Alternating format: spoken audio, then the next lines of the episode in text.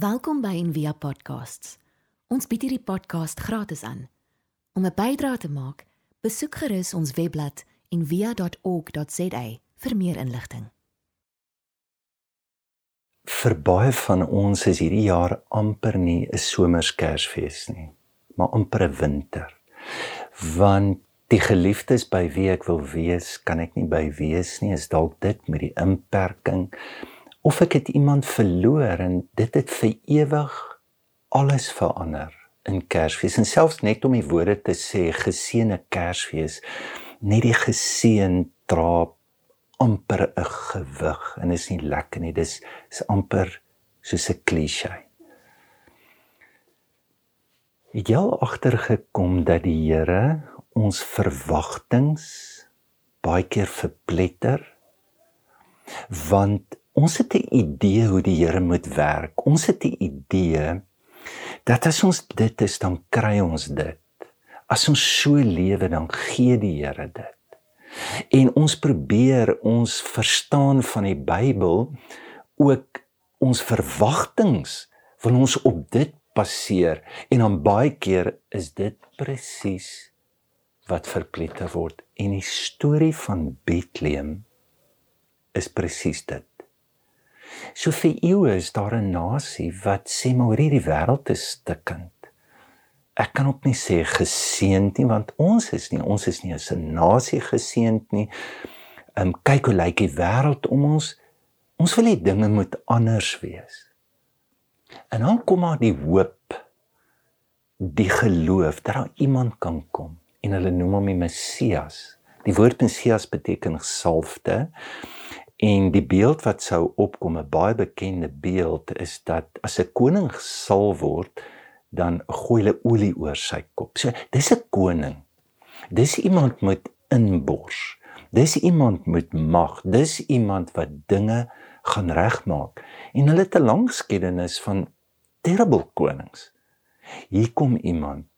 Maar hy gaan so groot wees, nee, hy gaan die wêreld vrede gee en dan word hy gebore. En Lukas sal sê maar hy kom uit die stam van Dawid want dis wat almal glo.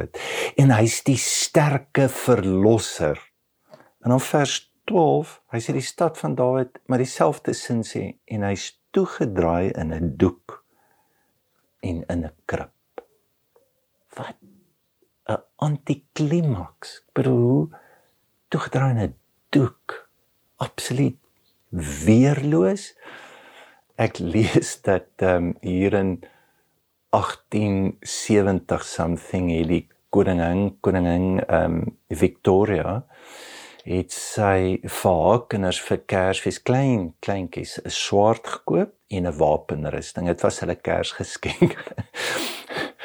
so dit dit pas meer by wat jy verwag. Okay, se babietjie maar sit so lankie swart in die wapenrusting en en ten minste in 'n kasteel gebore of wat in 'n doek toegedraai in 'n vuil krib. Hoekom? Hoekom werk dit nie?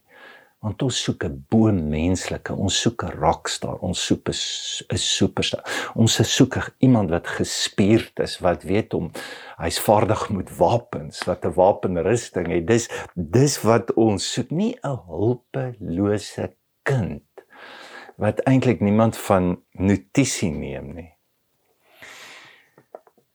En dis presies waar God ons ontmoet in hierdie verpligting verpletterende verwagting. En dis hoekom meeste mense vir die storie gevolg het net sê oor hy laat hom maar verbygaan. Dis nie hy nie is nie hy nie. En dit was hy. So vir my een van die mooiste beelde toe ek nou voorberei vir hierdie preek kan ek nie ophou dink ons het ons personeel afsluiting gehou en Melissa en Frans was se dogtertjie Hanna toe nou vir die eerste keer kom saam partytjie hou. Sy's toe nou uit.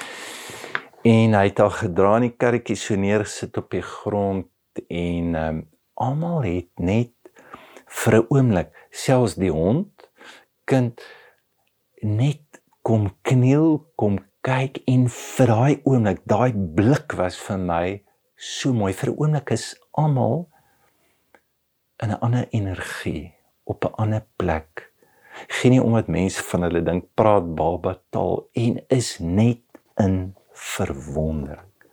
So wat is dit? Dis weerloosheid. Ek het gedink om miskien net drie dinge op hierdie fantastiese dag te noem wat ons kan help om hierdie storie te verstaan al is jou verwagtinge verslaan. Wat wat doen klein Hannaatjie? Wat wat doen iemand in 'n krib? Hy smelt jou hart. God breek nie harte nie. God smelt harte. Jy weet ons het die gesegde wat sê wat jou nie doodmaak nie, maak jou sterker. Dis dis 'n klomp nonsens. Dit is want baie keer leer ons nie die lesse wat ons moet leer nie. Daar daar's 'n ongelooflike gawe in weerloosheid hoe God na ons toe kom en miskien is dit die grootste wat COVID vir ons geleer het dat ja ons ons voel magteloos ten spyte van beter sanitasie, beter ehm um, uh nutrition, beter behuising, ehm um, beter hospitale het die omgekeerde plaasgevind. En selfs in die beste hospitale in die mees ontwikkelde lande is meer mense dood as op ander plekke wat op sigself baie moet sê van dit wat gebeur.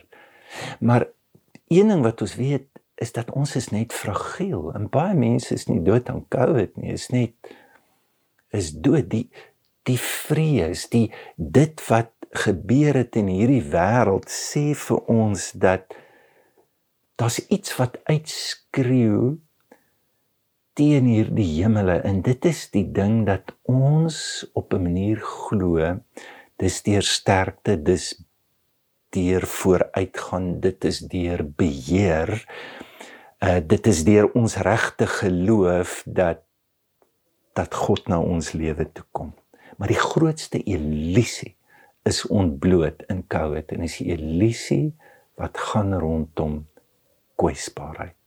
Ons is. En die tweede plek wat kwesbaarheid doen, dit bring intimiteit, nê. Dis Immanuel. God is met jou. Voel dit of hy met jou is in 'n doek en 'n krib in die koue as 'n vlugteling. Voel dit vir jou so?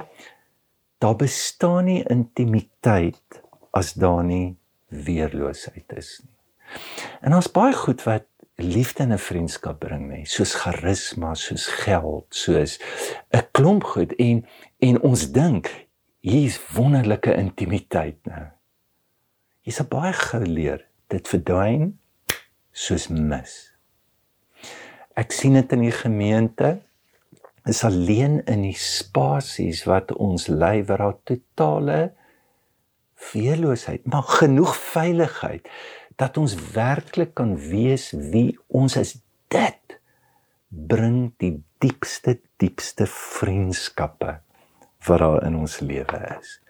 Twee stories in die Bybel wat jou moet opval is die vrou wat Jesus se voete was en afdroog met hare dit salf en dan ook Petrus wat sê Here jy sal my voete nooit was. So wat is die ding met voete? So hulle het nou nie motors gehad en goed nie. Dit kon ook 'n kameel gehad het.